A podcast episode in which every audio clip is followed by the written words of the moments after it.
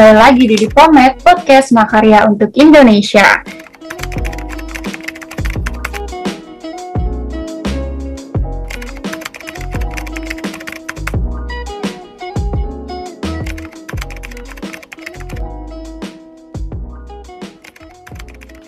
Hai, selamat siang pendengar setia Pomet, podcast Makarya untuk Indonesia.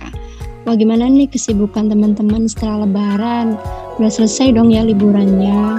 Teman-teman yang mulai kuliah, mulai sekolah nih semangat buat teman-teman semua yang udah mulai kuliah, udah mulai sekolah, semangat nugasnya pasti banyak banget kemarin THR-nya tugas hari rayanya pasti banyak ya. Tetap jaga kesehatan, tetap produktif, tetap beraktivitas semuanya jangan cuma rebahan aja, jangan cuma scroll-scroll media sosial aja kalau bisa produktif lakuin hal-hal yang bermanfaat seperti menghasilkan uang dari platform digital sosial media atau atau enggak belajar nih uh, gimana caranya kita bisa dapat ilmu dari sosial media nggak harus belajar dari sekolah. Zaman sekarang itu kan belajar bisa banyak dari platform sosial media ya. Nggak harus ke sekolah nggak harus ke kampus nggak harus dari dosen. Les pun banyak loh sekarang yang les online nggak perlu datang nih ke tempat-tempat les. Berkreativitas lewat sosial media juga banyak sekarang di era pandemi ini. Banyak sekali yang bikin-bikin video pembelajaran kreativitas seminar-seminar online workshop online yang tentunya semua perlu peran digital dan sosial media. Oke, untuk pembahasan kali ini kita akan lebih banyak bahas tentang peran dunia digital dan sosial media. Kita udah datengin narasumber.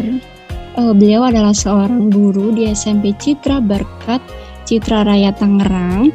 Ada Bapak Haning Setiawan. Halo, selamat siang Bapak. Selamat siang Kak, selamat siang semua. Terima kasih sudah mengundang saya di podcast ini.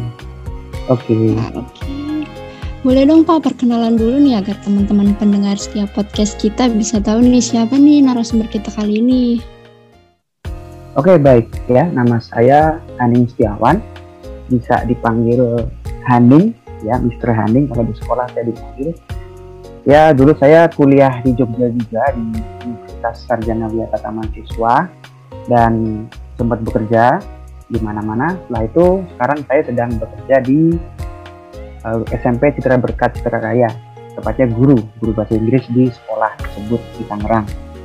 Ya, lalu uh, mengenai hobi, hobi saya bermain musik, alat musik uh, gitar dan drum dan keseharian saya uh, saya isi dengan uh, membuat konten digital ya untuk pembelajaran bahasa Inggris seperti itu. Karena uh, kita lihat bersama sekarang pandemi jadi tidak bisa datang sekolah nah, saya buat pembelajaran online.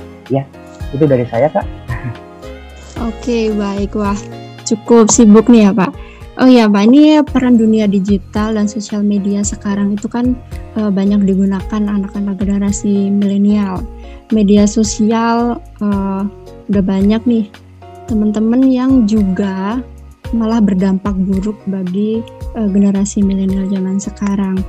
Tentunya ini jadi peran seorang guru juga nih Pak dalam uh, memberikan edukasi ke murid-murid ke anak-anak generasi milenial. Nah, menurut Bapak sendiri seberapa pentingkah nih Pak dunia digital bagi generasi milenial di tengah era pandemi COVID-19 ini Pak?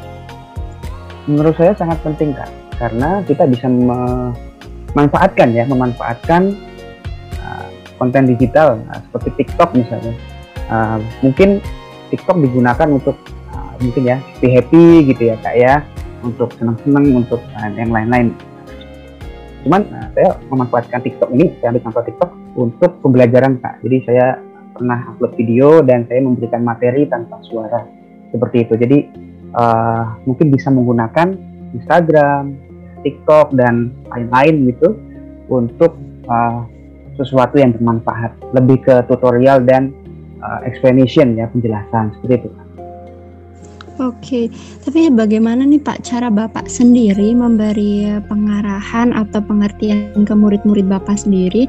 Atau ke generasi milenial lain tentang kegunaan sosial media yang bermanfaat untuk mereka Pak dan sesuai dengan porsi usia mereka?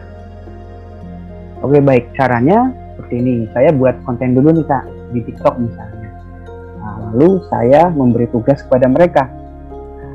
Jadi kan uh, dengan seperti ini saya harapkan mereka bisa memanfaatkan uh, akun TikTok mereka dengan sesuatu yang bermanfaat dan berguna.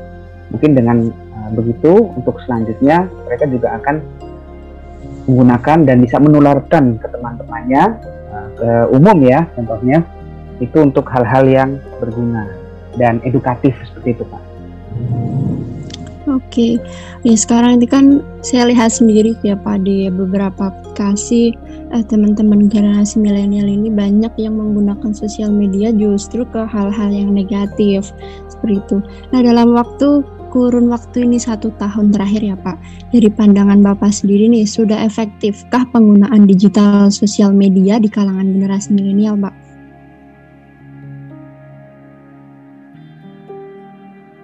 uh, banyak sih yang masih belum menggunakan secara uh, benar ya gitu mungkin uh, apa ya upload yang ibaratnya unfaedah gitu ya kak ya bahasa milenial ya. sekarang jadi ya sebenarnya sih belum maksimal dari kami pendidik ingin memaksimalkan gitu menggunakan mengajak ya anak-anak untuk menggunakan yang baik yang baik-baik saja dan berguna tadi itu kak. Oke, pernah nggak sih Pak Bapak sendiri menemukan uh, murid Bapak sendiri atau generasi milenial lain uh, yang menggunakan aplikasi itu nggak sesuai dengan umur mereka atau nggak sesuai dengan apa ya yang harusnya mereka lakukan di umur mereka yang seperti itu? Oke, kalau untuk murid saya, saya belum belum pernah menemukan hal hal seperti itu. Kalau misalnya di akun lain ya seperti itu uh, ya saya sudah pernah melihatnya dia ya, ya intinya seperti itu kak uh, nih pak sekarang sosial media kan juga nggak tentang pembelajarannya Pak kita bisa asah kreativitas kita sebagai generasi milenial. Ini contoh kreativitas apa aja nih Pak yang bisa generasi milenial lakukan di sosial media sebagai media peralihan dari pengaruh buruk dampak dari sosial media tersebut?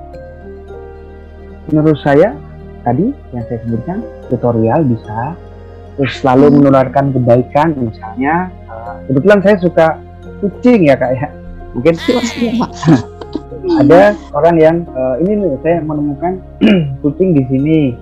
Uh, tolong diadopsi atau apa bagi yang suka jadi begini-begini terus uh, misalnya ada yang uh, warung misalnya warung yang kurang laku atau pedagang yang kurang laku nanti kan mungkin bisa di apa ya namanya diupload dan ayo datang ke sini dong. Iya jadinya enak kok. Yuk sampai jam segini sampai jam segini mungkin bisa apa ya menularkan kebaikan terus juga bisa tutorial tadi dan juga bisa apa ya uh, upload konten-konten yang baik-baik jadi untuk uh, seperti kakak sampaikan tadi untuk peralihan ya seperti itu. Iya, peralihan dari uh, pengaruh buruk gitu ya Pak. Betul sekali ya. Nah, Bapak ini selain mengajar di SMP Citra Barkat tadi, apa sih Pak kesibukan lain dari Bapak selain mengajar? Kesibukan saya uh, bermain musik, main drum, main gitar, kadang-kadang menyanyi, tapi saya uh, nyanyi hanya di kos gitu. Kalau untuk main drum dan gitar ya, saya bersama teman-teman bermain untuk mengisi waktu luang saya. Seperti itu. Wah, boleh tuh Pak. Kapan-kapan uh, ngedram atau nyanyi nih di podcast yeah. kita. The next podcast. Seorang drummer juga ternyata bapaknya. Iya, Oke. Okay. Uh, eh, sekarang nih ya Pak, uh, kemarin saya lihat beberapa berita di sosial media tentang anak-anak yang menggunakan suatu aplikasi yang nggak sesuai dengan umurnya atau bahkan uh, yang terlalu dewasa atau terlalu arogan, terlalu agresif karena sekarang sosial media itu kan uh, anak-anak milenial jadi lebih agresif gitu ya Pak. Nah, menurut Bapak sendiri peran pemerintah atau peran orang tua dalam menjaga anak atau uh, mengawasi anak di sosial media itu seberapa pentingkah itu Pak? Menurut saya sangat penting sekali Kak. Jadi mungkin pemerintah bisa mengadakan seminar ya seminar penggunaan sosmed mungkin lewat tingkat RT mungkin uh, yang lewat sekolah bisa atau lewat perkantoran bisa dan juga sebaiknya orang tua itu tahu lah ya tahu akun anaknya. Karena uh, saya menemukan banyak orang tua yang tidak tahu akun Instagram anaknya seperti itu. Jadi yeah. itu satu hal yang apa ya harusnya bisa lah di jadi uh, security uh, keluarga gitu ya. Jadi anak upload apa harusnya orang tua bisa tahu gitu, dan bisa memberikan uh, peringatan seperti itu kak. Biasanya seperti itu. Oke. okay. Nah tadi bapak juga menyebutkan bahwa kesibukan bapak juga di media belajar untuk anak-anak bapak murid-murid bapak.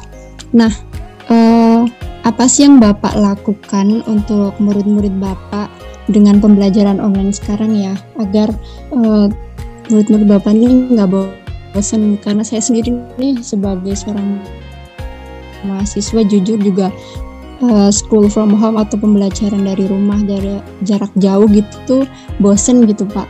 Nah sebagai seorang guru sendiri, bapak uh, usaha apa yang bapak lakukan agar anak-anak atau murid-murid bapak nih nggak bosen sekolah di rumah sekolah online gitu? Oke baik kak, untuk di sini memang kami sebagai guru dituntut untuk memberikan pembelajaran yang kreatif ya kak ya. Jadi saya langsung hmm. ke visual karena saya uh, berpikir bahwa video kan kalau saya yang buat sendiri gitu kan oh uh, supaya mereka terasa saya yang ngajar gitu. Ibaratnya kalau misalnya saya mengambil dari konten lain ya bisa juga.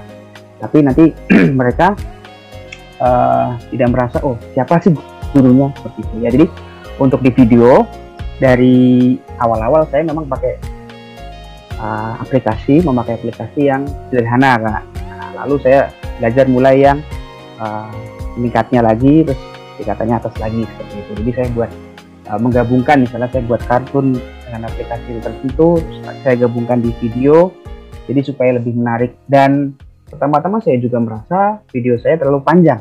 Lalu saya uh, ringkas-ringkas lagi kurang dari 5 menit supaya mereka tidak merasa bosan. Lalu saya berpikir lagi uh, anak-anak sekarang suka TikTok walaupun tidak semua. Lalu saya berpikir ya sudah saya membuat membuat uh, video pembelajaran lewat TikTok supaya lebih mengena kepada mereka seperti itu. Wah, menarik juga ya Pak.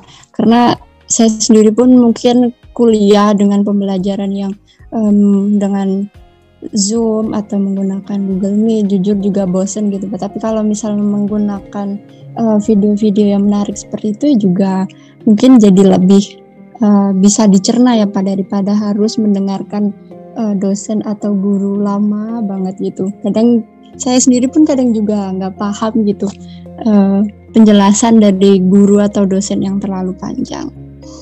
Baik Pak, nih terakhir nih buat generasi milenial. Boleh dong Pak beri motivasi atau pesan saran untuk generasi milenial agar memanfaatkan dunia digital itu dengan yang baik, sosial media dengan baik agar tidak terpengaruh ke hal-hal yang buruk. Oke, baik Kak. Jadi menurut pandangan saya, mungkin tips dan triknya ya.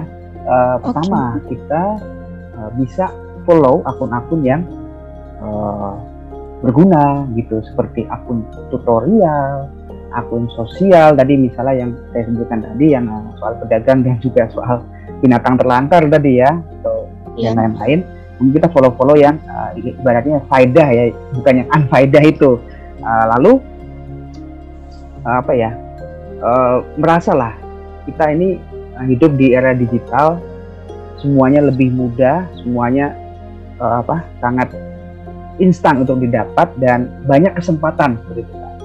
Bisa dibilang semua anak, ya hampir semua anak itu pasti memegang smartphone ya, sudah uh, mempunyai smartphone gitu ya. Dan dengan kakak-kakak yang masih kuliah ini, ya ini pasti anda-anda lebih bisa lebih kreatif lagi, lebih apa namanya kalau orang Jawa bilang itu kotak atik lagi pasti lebih keren lagi dan masih panjang waktunya seperti itu. Jadi ya terus semangat aja uh, apa menggunakan sosmed yang baik karena kita juga sering melihat sekarang kan uh, salah bicara aja kita bisa jadi ke apa namanya Viral. ya viral dan bisa ke ranah kriminal ya kak ya akhirnya minta maaf iya. dan lain-lain itu kan jadi kan akhirnya malu sendiri dan keluarga juga malu sendiri. Jadi kira-kira kita bisa menebarkan keindahan kenapa enggak sih? Kenapa kita harus menebarkan sesuatu yang bisa memancing emosi bisa memancing sakit hati orang? Seperti itu kan dari saya. Jadi terus semangat aja. Gunakan sesuatu dengan baik. Apabila sesuatu digunakan dengan baik pasti hasilnya akan baik dan bisa bermanfaat untuk semua orang. Seperti itu kak Wah, keren nih tipsnya tadi. Oke, terima kasih ya Bapak Haning Setiawan atas waktunya sudah mau berbagi dengan kita sharing-sharing di Polmed ini. terima kasih juga untuk kak Lulu, kak Endah, kak Cantika, kak Heri yang ganteng ya terima kasih sudah mengundang saya di sini suatu kesempatan emas bagi saya bisa uh, hadir di podcast ini nah, lain kali kita bisa kontak-kontak lagi mungkin bisa jadi sahabat saudara dan sebagainya Oke. terus suka ya selamat Kak. siang Nah, oke itu dia pemet kita di episode kali ini. Eh, jangan lupa untuk follow Instagram kami di @mahakarya.asia. Terus dengerin kita ya, karena podcast kita akan terus ada di Spotify Universitas Mahakarya Asia. See you on the next Pomet, podcast Mahakarya untuk Indonesia. Bye!